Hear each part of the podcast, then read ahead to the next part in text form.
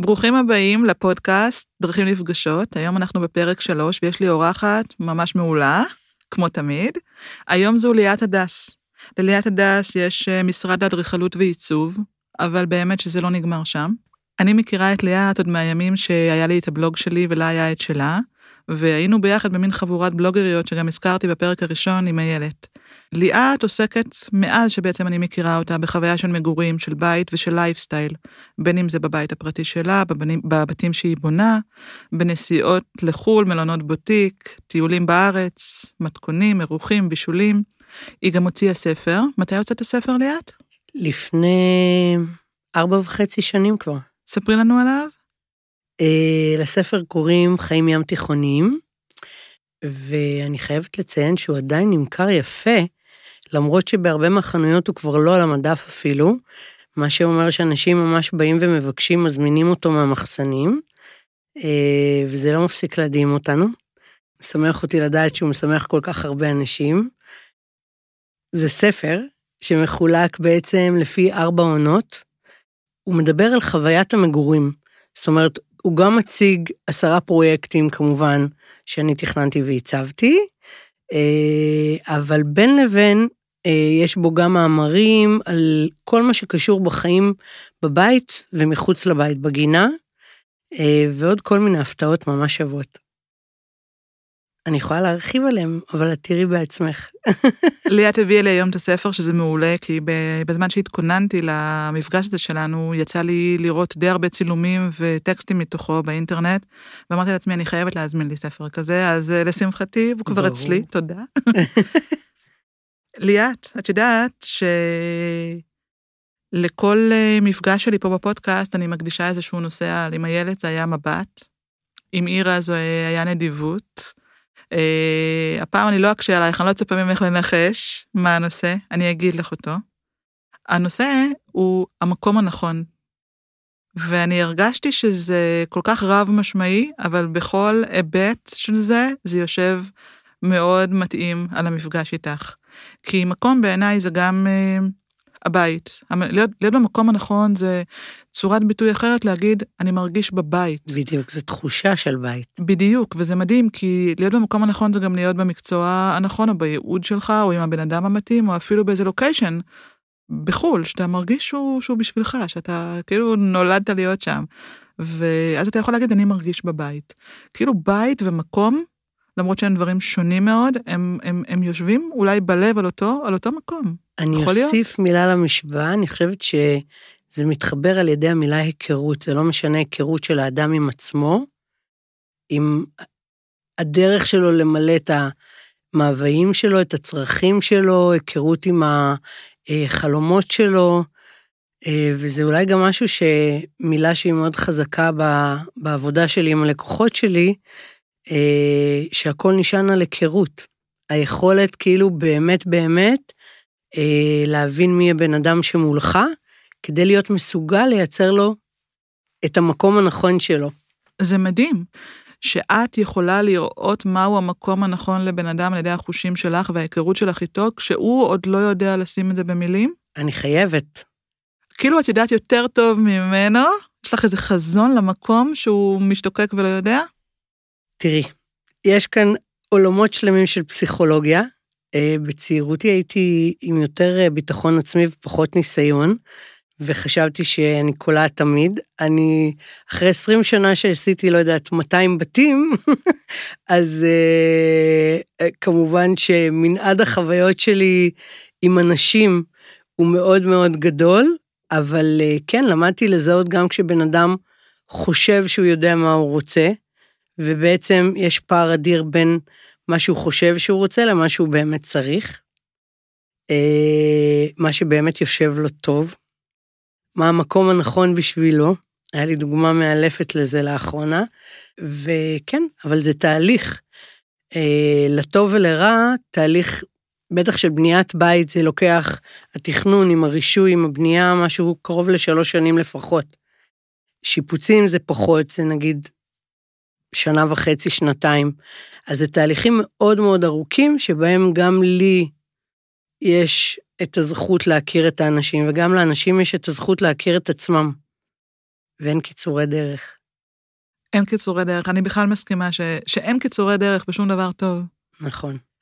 את כתבת לפני כחצי שנה, לוקח זמן להבין את המובן מאליו. עד גיל 28 הספקתי לעשות המון דברים יוצאי דופן לגילי, אבל לא היה לי מושג מה אני רוצה להיות כשאגדל. אפילו הלכתי לייעוץ במכון מיוחד שערך לי מבחנים, ראיונות, ושמח לבשר לי שיש לי כישורים לכל קריירה שאבחר. בקיצור, לא עזר.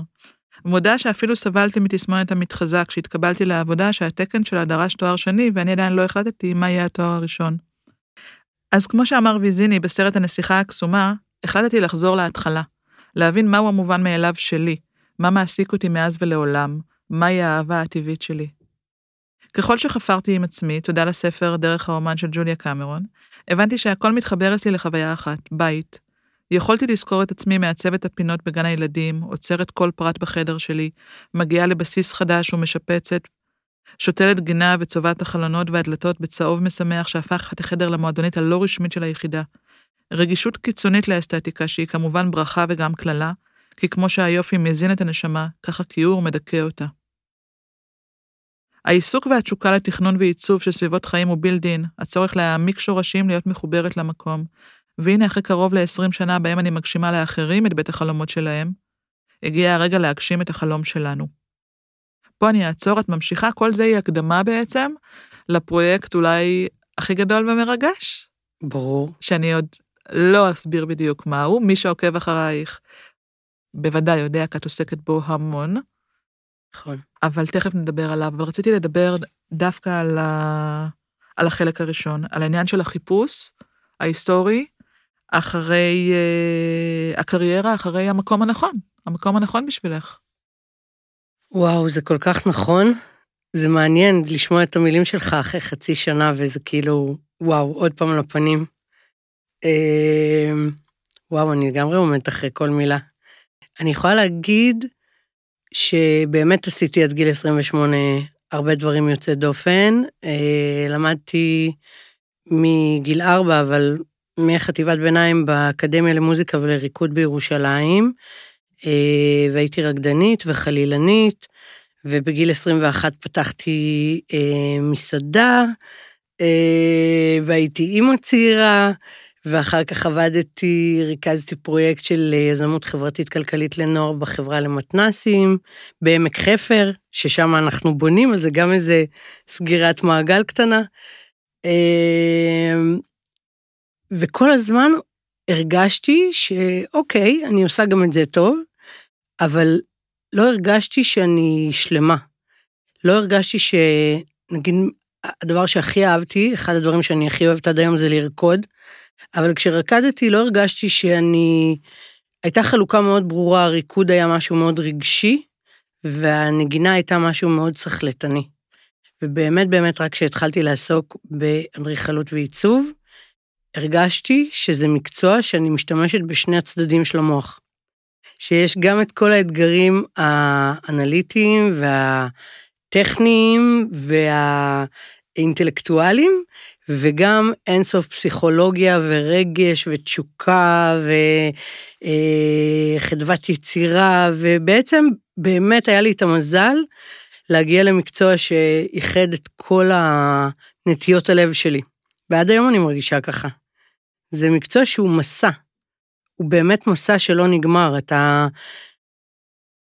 זה תהליך התפתחותי אינסופי. את יודעת, אני חושבת, בתחושה שלי, כשאתה מגיע למקום הנכון המקצועי, הוא גם אה, יושב מאוד חזק על האישי, על משהו שנוגע לך עמוק בלב, ואז הוא, הוא אף פעם לא סטטי. הוא תמיד מקביל למסע החיים שלך. כשאתה מתפתח, המקצוע מתפתח. כשאתה מתפתח, היכולות מתפתחות. זאת אומרת, אם זה משהו חיצוני והמקצוע שלך הוא לא באמת אתה, לגמרי. אז באמת אתה תקוע. אבל את יודעת שסיפרת לי קודם במה בעצם ההורים שלך אה, עסקו ועוסקים. אה, פתאום ראיתי איזשהו קישור, תגידי לי אם את מרגישה ככה גם, אם אני פוגעת באיזושהי נקודה מעניינת.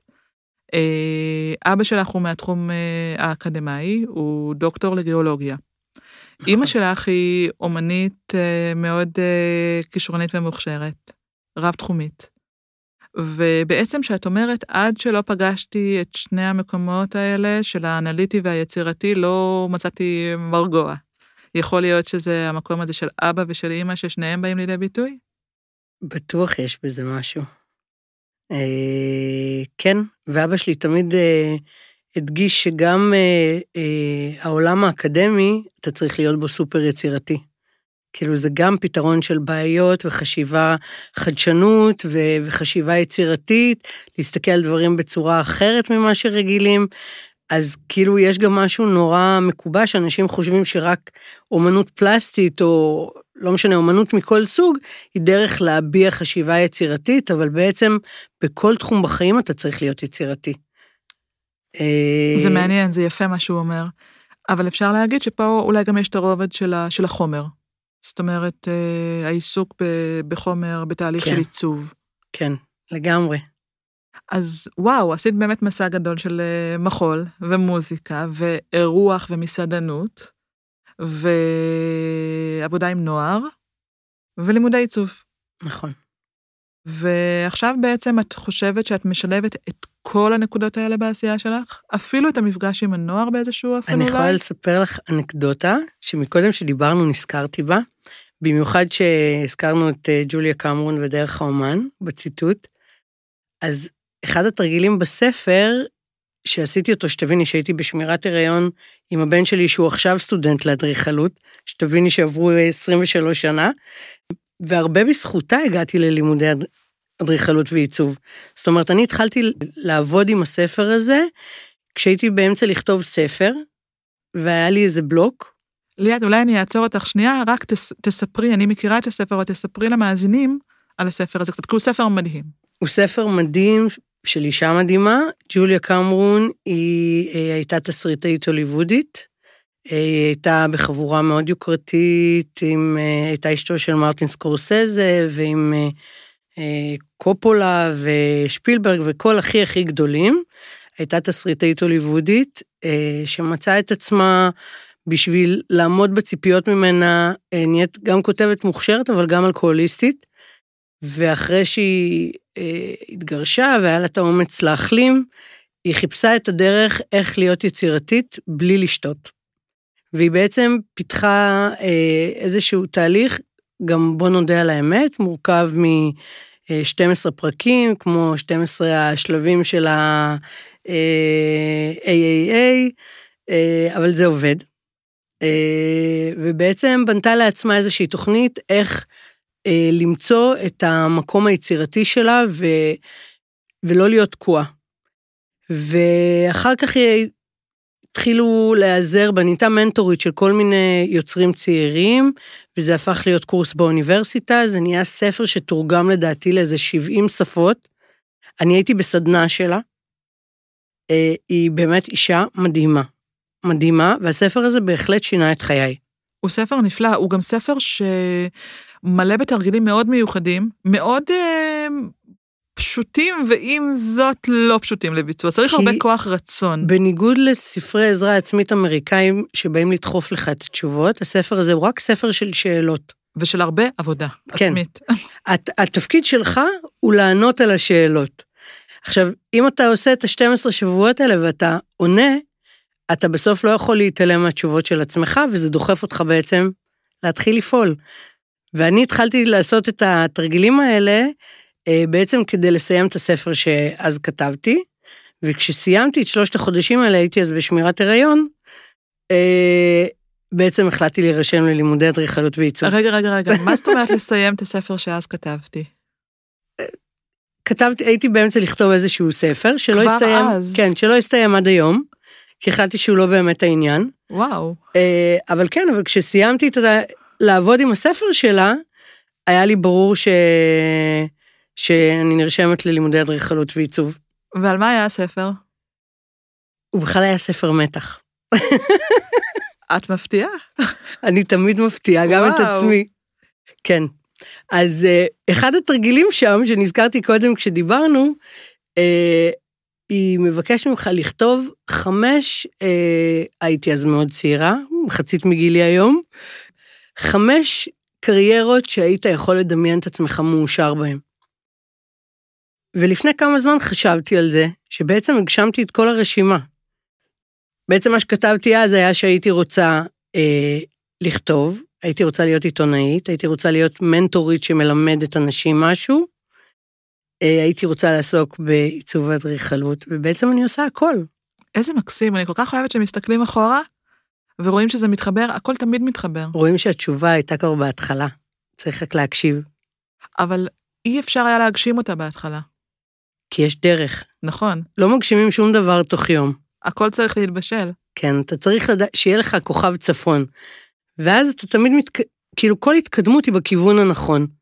אבל התשובה הייתה חלקית בהתחלה. זאת אומרת, זאת אומרת, הידיעה של התשובה הייתה חלקית, משום שידעת שאת רוצה 1, 2, 3, 4, אבל אולי אז לא ידעת שהם יכולים לבוא ביחד. העידן השתנה. לגמרי. היום אפשר גם וגם, היום חובה גם וגם. נכון? אני חושבת, אני לאחרונה חושבת על זה הרבה. אני חושבת שאני בן אדם של גם וגם וגם, ואני עד לפני שנתיים, שלוש, עד הקורונה, חשבתי שזו בעיה. Hmm. חשבתי שאנשים לא יבינו, חשבתי שזה לא בסדר להיות גם וגם וגם, חשבתי ש...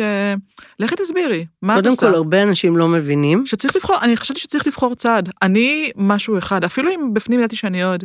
היום, אם אתה לא גם גם וגם, נכון. כאילו, אתה בסדר. לגמרי. היום גם התחרות היא כל כך גדולה, שהסיכוי היחיד שלך להתבלט הוא רק אם אתה בעצם אה, מולטי... אה, עם מלא כישרונות שונים. אפילו אם החיבור שלך הוא לא שגרתי, נכון. עוד יותר זה מעניין. יתרון. לא יודעת מה, אתה הרופא הצוללן. לגמרי. זה מצחיק. הקדמנו את תקופתנו. את יודעת, וואו, אתמול הייתי בתצוגה של שנקר, וקרה לי משהו שלא קרה לי אולי מעולם. צבט לי הלב. באמת. אמרתי, למה אני לא בת 20? שנים זה היה קורה לי במופעי מחול. אלוהים, זה לא קרה לי אף פעם, אני קצת בטראומה מעצמי. ואז אמרתי לעצמי, זה לא עניין של גיל. מה שיש להם פה נכון. עכשיו, אני יכולה ברגע זה להחליט שאני מכניסה את זה לחיים שלי. נכון. ולא רק זה, יש לך היום ארגז כלים מפוצץ שלהם עוד אין. ברור, אם הייתי עכשיו בת 20, היה לי חוסר ביטחון טוטאלי. בדיוק. כן, היה יפהפה, את יודעת? אני בטוחה. לקחתי את הבת שלי. אני לא, לא יודעת עד כמה היא התרשמה מזה כמוני. דרך אגב, הייתה מוזיקת live מדהימה של להקה באמת? שהייתי רוצה לפרגן. אני לא יודעת מה היא. נחפש באינטרנט, וואו, איזה כיף, היא נורא נהנתה מהמוזיקה. אבל אני חושבת, אני בטוחה, שדברים שאנחנו חווים כילדים, כ- כנערות, כנערים, הם באים לידי ביטוי אחר כך. החשיפה הזו היא נפלאה. ברור. להיחשף לכל הכישרון והבלגן והצבע והאנשים, זה היה כיף. הכל נשאר. דרך אגב, באמת, כמה ממה שההורים שלך אה, חשפו אותך לעולמות האלה תרם? לא, הם, זה בלי סוף, אין לי ספק. זאת אומרת, באמת זכיתי, ההורים שלי השקיעו בחינוך שלנו בלי סוף, מגיל אפס. היה לי מנוי בפילהרמונית מגיל שבע, נראה לי. הופעות, תרבות, ברמה שלפעמים אצל ילד זה כבר מייצר התנגדות. אני מודה שאולי באופנים מסוימים אני אה, תמיד לילדים שלי, מרוב שלי היה overload של חינוך ותרבות, ובאמת, הרבה. אז אני תמיד הקפדתי לחשוף את הילדים שלי, אבל לא... זאת אומרת, היה לי נורא נורא חשוב שהם ירצו. שכאילו לפזר בפניהם את האפשרויות ואת הגירויים, אבל לא, לא לחנוק. אה, אבל את יודעת, גם דברים שאתה לא יודע להעריך בתור ילד, בתור מבוגר אתה במאה אחוז חייב אותם. אני כל כך מסכימה, אני מזדהה ממש עם כל מילה. ליאת, אני רוצה להקריא עוד קטע שמתוך הספר שלך. אה, חיים יצירתיים הם הרפתקה, תהליך של חיפוש ושל דיוק אינסופיים. כשאתה יוצא לדרך, אתה רוצה לגלות עולמות ולכבוש אותם. במקרה שלי, הבנתי שהדרך מובילה אותי חזרה הביתה. שכל מה שחיפשתי, כל מה שנכון לי, כל מה שיושב אצלי טוב וטבעי, הוא בעצם כבר חלק מה-DNA שלי ושל המקום בו גדלתי, ובשבילי הוא הבית. זה כל כך יפה, ואני גם רואה פה משהו דו-משמעי. חזרה הביתה, כלומר לילדות, למקור, למקום המוכר, וחזרה הביתה לעסוק בלבנות בתים. התכוונת. לשניהם? אה, כן, קודם כל גדלתי בירושלים, שהיא באמת אה, עיר רב-גונית, הטרוגנית, מלא תרבויות, מלא השפעות, מלא דברים יפים. סביבת חיים יפהפייה שלקחתי כמובן מאליו. את הילדות הראשונה שלי גדלתי בבית ערבי מאוד יפה בעמק רפאים, עם מרצפות מצוירות ותקרות גבוהות ומקושטות. אמ, למדתי בתיכון של האקדמיה, שזה וילה שוקן, אחד הבתים המדהימים, באמת באמת אחד אה, מפניני הבאו-האוס הכי חשובים בעולם. אה, באמת, כל החיים שלי הייתי מוקפת ביופי ואסתטיקה וכל תולדות האומנות והאדריכלות, וזה פשוט אה, נטמע לי בדם כמובן מאליו. וכשאתה יוצא מהבית ויוצא לעולם, אה, וחווה מקומות פחות יפים, ורוצה לכבוש עולמות, ומחפש מלא השראות בחוץ, ולומד, ואיכשהו עם ההתבגרות, ואולי גם עם ההשלמה הפסיכולוגית עם הבית, וגם הגעגועים, וגם ההבנה שבסוף אדם הוא תבנית נוף מולדתו. ובשבילי המקום הנכון זה תבנית נוף מולדתי. אה, ואני כאן, אני לא בסקנדינביה, ואני לא בלונדון, אה, אני בסביבה מהממת, ים תיכונית, שיש בה אין סוף השראות של אלפיים שנה. אה, כל דבר חשוב שקרה בעולם עבר גם כאן, אז הכי לגיטימי להיטען מכאן. ונוכל עכשיו להגיע ותספרי לנו על הפרויקט. הפרויקט. הפרויקט, שאת גם עושה פרויקט לא קטן בלתעד ולהציג אותו החוצה. נכון. אז תספרי על שניהם ביחד. אמ, אנחנו בונים את בית חלומותינו אה, בעמק חפר. זה פרויקט שהוא כבר ארבע שנים, אה, אני הולכת לישון איתו כל יום ומתעוררת בבוקר, כי לקח לי לפחות שנתיים למצוא את חלקת האדמה הזאת, אה, במושב, דונם, כי החלום שלי היה צריך קצת יותר מקום. אה, כדי שלא הוועדה תתכנן את הבית, אלא באמת יהיה אפשרות לתת איזושהי טביעת אצבע אדריכלית. אה, אז אחרי הרבה חיפושים מצאנו את הפינה הזאתי, חלקת האלוהים שלנו, אה, ואנחנו כבר לקראת סיום, עוד פחות מחודשיים אנחנו עוברים. אני לא מאמינה. כן, גם אני לא. כן. קצת פחות מחודשיים, מה שקורה שם עכשיו כל יום זה מטורף. ועוד בשלב הרישוי והתכנון והחיפושים, כמו עם הספר קצת, ידעתי ש... שאני חייבת, אולי זה באמת הצד העיתונאי, היה לי גם סבא עיתונאי, אז אפרופו אה, אבותינו ואנו, אה, אולי זה גם חיידקים שעוברים בדם. אה, כן, נורא רציתי לתעד את זה, קודם, כאילו ממש בקטע של אה, יומן, בקטע של מנטורינג, בקטע שאני חושבת ש... וגם לפי כל מה שאני מקבלת המון המון תגובות וכותבים לי הרבה מאוד, אז אני יודעת גם כמה אנשים נדהמים לגלות במה כרוך בנייה של בית, ואיך באמת בונים בית, ואיזה מכונה אדירה זאת. אז גם הרצון וההזדמנות הנדירה והחד פעמית לחשוף ולשתף את זה, ההזדמנות לפרגן לכל הבעלי מקצוע המדהימים והאומנים, לא פחות, שעובדים על הגשמת הבית הפיזי, אה, וזו גם דרך לתת להם במה. אה, ופשוט ברגע שאמרתי את זה, היה לי ברור, כמו תמיד, שלא יהיה לי ברירה אלא לבצע את זה.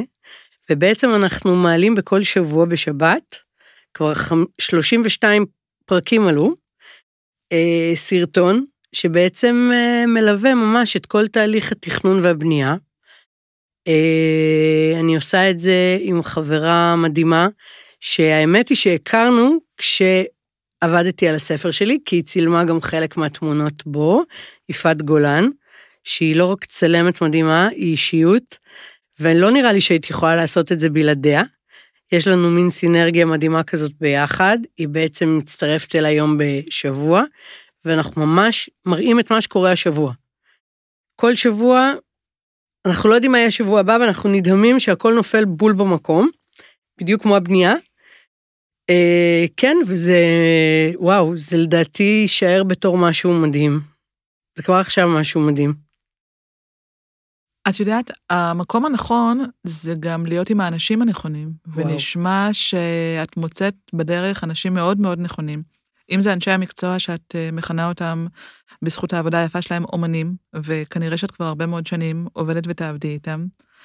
אם זו יפעת, שנשמע שהחיבור ביניכם הוא מפיק אה, ממש עבודה אומנותית. וכמובן, כמובן, אם זה בעלך ארנון, נכון. שנשמע שאתם פשוט משלימים אחד את השני מבחינת, ה... קודם כל, המשימות שלכם בעבודה, כל אחד מביא צד אחר, ואתם מגשימים ביחד חלומות ללקוחות ולמשפחה שלכם. ובכלל, נראה כפי שעולה מעמודי הבלוג והצילומים בפייסבוק, שאתם אה, זוג יונים. אה, אני לא אכחיש, אבל אה, אני אחזור להתחלה. כן, אני חושבת שאחד הכישורים הכי חשובים בחיים זה לדעת להתחבר עם האנשים הנכונים, ש... שיעזרו לך ליצור שלם שגדול מסך חלקיו. אה, אנשים שמטעינים אותך, שיש הפריה הדדית, שיש כבוד. אה, לבד אי אפשר להשיג כלום. אנחנו חייבים ללמוד מאחרים, אנחנו חייבים להיעזר באחרים, ולמצוא את האחרים הנכונים זה אומנות. התמזל מזלי, אני, אני בן אדם מאוד חברותי, אני חושבת, אבל uh, כמו רוב האנשים המבוגרים, מן הסתם את יודעת, במעגלים הקרובים, אה, כשאת, ככל שאתה גדל, יש כאילו פחות כמות ויותר איכות, אה, ולדעת לאסוף סביבך את האנשים הנכונים זה הכרחי כדי להיות מאושר. וכן, הבחירה הכי חשובה בחיים זה הבן זוג, ובאמת היה לי מזל ענקי. אה, דרך אגב, גם אהבה זה כישרון בעיניי. זאת אומרת, זה לא מספיק למצוא את הבן אדם, אתה פוגש בן אדם שיש לכם פוטנציאל לחיים טובים ביחד, אבל כדי באמת לבנות חיים טובים ביחד, ובאמת להיות מאוהב אחרי 30 שנה, צריך גם כישרון. אה, אז... אה, הספר הבא? נראה לי בערב מכר בינלאומי. אה, אני לא אומרת לא לכלום, אף פעם. זה רעיון מעולה. אבל כן, אני וארנון עובדים ביחד כבר 14 שנה.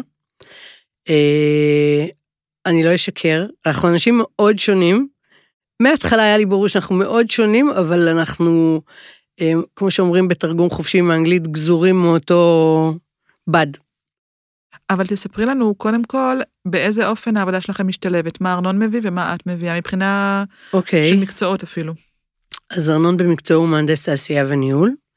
אה, הוא עבד עשר שנים בהייטק, אה, ניהל הרבה מאוד אנשים, מאות, היה משנה לסמנכ"ל טכנולוגיות במירס מוטורולה, אה, ובא מעולמות הקורפרייט, ו... והיה מאוד מאוד מוצלח. עד שיום אחד אה, הוא הבין שהוא לא, הוא היה רוצה להכיר את הילדים שלו יותר טוב, וזה מה שדחף אותו בעצם להתפטר. אה, והוא ידע שאני כל החיים עובדת צמוד לבית. זו החלטה שקיבלתי בגיל 20.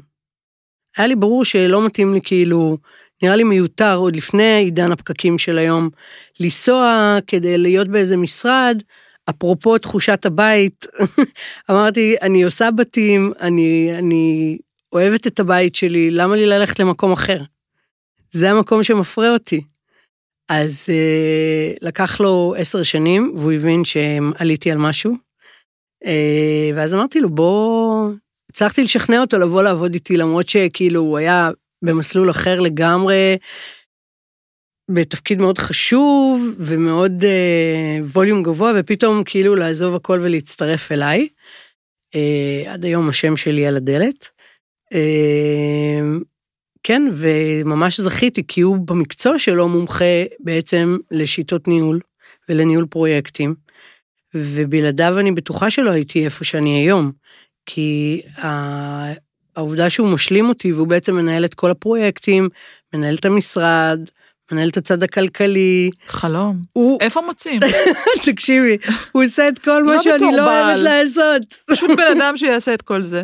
כן, והוא גם, תדעי לך, מנטור מדהים. באמת. הוא בן אדם minded, הבן אדם הכי ש... די, די, אני אתחיל, אני, אה, כן, אני צריכה לעצור כאן, אבל אה, לי זה עובד מושלם, אני מודה ששנה, שנתיים זה יותר קשה, הראשונות, כי צריך ללמוד להציב גבולות, לא לדבר על הבית בעבודה, על העבודה במיטה. אה, בכל זאת, אני עשיתי הכל בעצמי לפני כן, כן. אז פתאום בא מישהו ומזיז לי את הגבינה. ולשחרר, כן. ולשחרר, זה לא קל, אני freak control. אה, וביקורת אולי גם קצת פה ושם. אה, כן, כן, כן, למרות שהוא אדם מאוד סבלני והוא, אה, כן, הוא יודע איך להזיז אותי לאט, שאני אחשוב שזה רעיון שלי, וההפך, וואו. גם אני יודעת לעשות את זה. אז אה, כן, אחרי כזה, תוך שנה כל אחד הבין והשתלט על חלקו, אה, ואנחנו לא מפריעים אחד לשני. אני חושבת שהלקוחות שלנו מרוויחים, אפשר לראות את זה מאוד מאוד בסרטונים. כאילו, פשוט איך זה עובד. ליאת, ספרי לנו איפה הסרטונים. הסרטונים גם נמצאים באתר אצלי, פשוט לכתוב בגוגל ליאת הדס, אז יש section של הוידאו, ועולים בעצם כל שבת אה, באינסטגרם ובפייסבוק. אה, וכל שבוע, עכשיו הגענו לחלק הסקסי. עד עכשיו היה נורא מעניין, אבל עכשיו הגענו לחלק הסקסי באמת, שבעצם הכל מתלבש בחומרי הגמר, ווואו, כל שבוע זה יותר ויותר. אני ראיתי אה, כמה וכמה פרקים, ואחד מהם הימם אותי, אני רציתי לעצור הכל ולהגיד לי, להגיד לך, תארזי לי. כאילו, אני רוצה את כזה. זה, אני רוצה, לא כזה, את זה, כאילו, ממש. וואו, זה חלומי. אני ראיתי בעצם את, ה, את ההדמיה, שיש לכם בעצם שלושה מבנים שהם הבית. מבנה אחד הוא החלל המרכזי, מבנה אחד הוא בעצם מין יחידה בתוך יחידה של הילדים הגדולים, שלושה בנים, בנים. גדולים כבר, ומבנה שלישי הוא המשרד. וזה, כל אחד מהם הוא חתיכת. מבנה, ובריכה, נכון. וגינה. זה, זה, אין לי את המילה המדויקת, זה, זה יותר מב... זאת אומרת, אה, אם ב, בחו"ל אנחנו רואים אחוזות, אנחנו רואים כל מיני, יש וילה ויש אחוזה ויש... בית בישראל זה לא נשמע דבר מאוד גדול. יש לי תחושה שהבית הזה, הוא, המילה שלו היא קצת יותר מבית. אה, בסדרה קר- קראנו לזה וילה הדס, לא במובן הפלצני וה... יותר במובן האיטלקי אולי. בדיוק. אני יכולה להגיד לך, וזה מה זה מתקשר לי לכותרת שעשית היום בפרק של המקום הנכון. אני, כל החלום הבית, חוץ מזה שהוא נורא יפה, ותכף אני אדבר על הפרופורציות וכאלה דברים, לי היה חשוב שהבית לא רק יהיה בית יפה אצלי, וזה גם המוטו של הספר, ואני גם כותבת על זה תמיד, הבית רק מתחיל בקירות. זאת אומרת, בשבילי כל המקום הזה של וילה הדס, החלום האמיתי זה החיים שהולכים להיות שם. וזה אומר, ועשינו דברים כאלה גם סביב הספר, היו לנו אירועים עונתיים, מכיוון שהספר מחולק לפי עונות, אז כל השנה אחרי שהספר יצא, היו לנו בכל עונה אירוע. אה, וזה סדנאות, וזה מקום שיוכל להכיל חיים.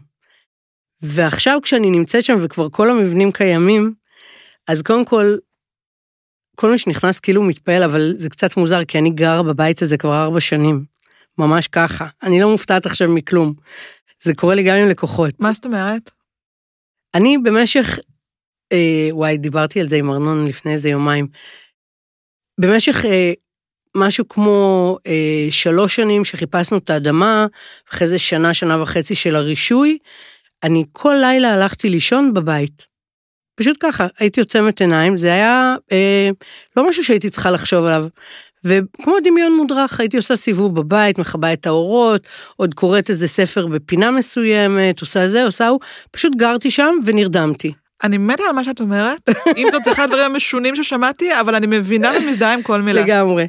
ביום שהרסנו את הבית שהיה על האדמה הזאת, שזה דרך אגב פרק מטורף, שרואים איך בשלוש שעות פשוט בית ענקי נעלם, ביום שהרסנו את הבית שהיה שם כדי לנקות את השטח, זה הפסיק לקרות. מהרגע שהתחלנו בפועל לבנות את הבית, הפסקתי לחלום עליו. כי הוא נהיה פיזי, זה משהו מטורף. כן. אז אני מבחינתי גרה שם כבר כמה שנים, אז שום דבר לא מפתיע אותי. אני כאילו חזרתי הביתה. אני צריכה דקה. לא בגלל שזה כאילו כל כך זר לי, להפך, זה כל כך מדבר עליי שאני אני לא לגמרי הבנתי עוד. את חלמת או שעשית לעצמך דמיון מודרך? זה היה רצוני או לא רצוני? לא, כאילו דמיון מודרך, לא מתוך שינה, גם לפעמים הייתי בבית מתוך שינה. הבנתי, מרצונך רצית לעשות את זה. לא, זה היה קורה מעצמו. זה היה התניה. הייתי הולכת לישון, מכבה את האור, עוצמת את העיניים, אבל, אבל היית והייתי בער, אבל היית בבית. בערנות, היית במודעות. כן, זאת אומרת, היה לך איזשהו חיזיון איך הבית הזה יהיה, vision, כן.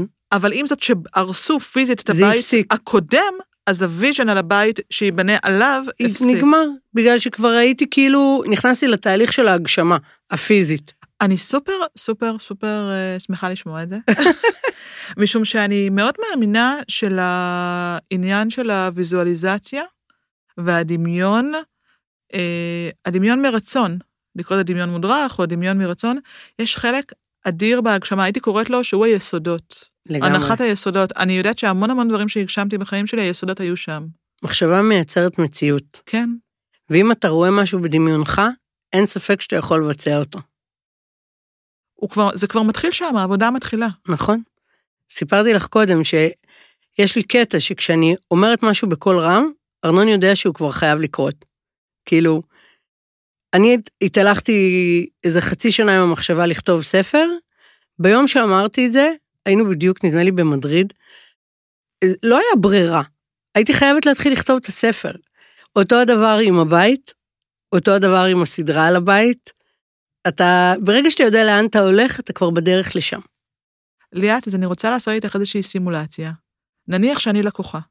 אנחנו לקוחות, משפחה, באים אלייך, ואומרים, אנחנו מחפשים בית. אני מבינה שאת אפילו עוזרת לאתר את הבית לקנייה. קראתי שלא פעם את מייעצת נכון. למשפחות, מתוך כמה בתים, במה לבחור ומה לקנות. אז בואי תספרי על התהליך, כולו בקצרה. אוקיי, אנשים מגיעים אלינו, לפעמים כבר יש להם אדמה, לפעמים כבר יש להם בית, ולפעמים הם מתלבטים בין כמה אפשרויות ורוצים להבין באמת מה אפשר לעשות, האם כדאי להם בכלל להיכנס להרפתקה כזאת או אחרת. אז זה בעצם השירות היחיד של ייעוץ שאנחנו נותנים, שאפשר להזמין אותנו למפגש בנכס, ואנחנו נותנים איזשהו פרופיל, גם מבחינת כאילו, אה, אם זה רישוי שנדרש, אם זה המצב הפיזי של הבית, אה, לפעמים יש פער מאוד גדול בין מה שאנשים מדמיינים שהם היו רוצים לעשות לבין מה שאפשר לעשות, ולהפך. ולהפך, לפעמים אנשים נתקעים על משהו וזה משהו שממש בקלות אפשר לתקן. מהמם. אז אה, זה סוג המפגשים הזה. ובעצם כשמתחילים איתנו תהליך, אז הדבר הכי הכי חשוב זה ההיכרות, ההיכרות האישית. אנחנו עושים את זה קודם כל עם שאלון מאוד מאוד מפורט, אה, שמתייחס לבית בשני אופנים. אחד, מה שאנחנו קוראים הבית כמכונה. זאת אומרת, ממש כל אחת מהפונקציות אה, שקיימות במכונה האדירה הזאת שקוראים לה בית. אה, אני מציפה כמה שיותר שאלות, במטרה שאנשים יענו לפעמים אפילו ביותר מכל אחד, כי כל אחד מבני הבית יש לו דגשים אחרים, חלומות אחרים, צרכים אחרים. אה, והצד השני של השאלון זה מה שנקרא הבית הרגשי.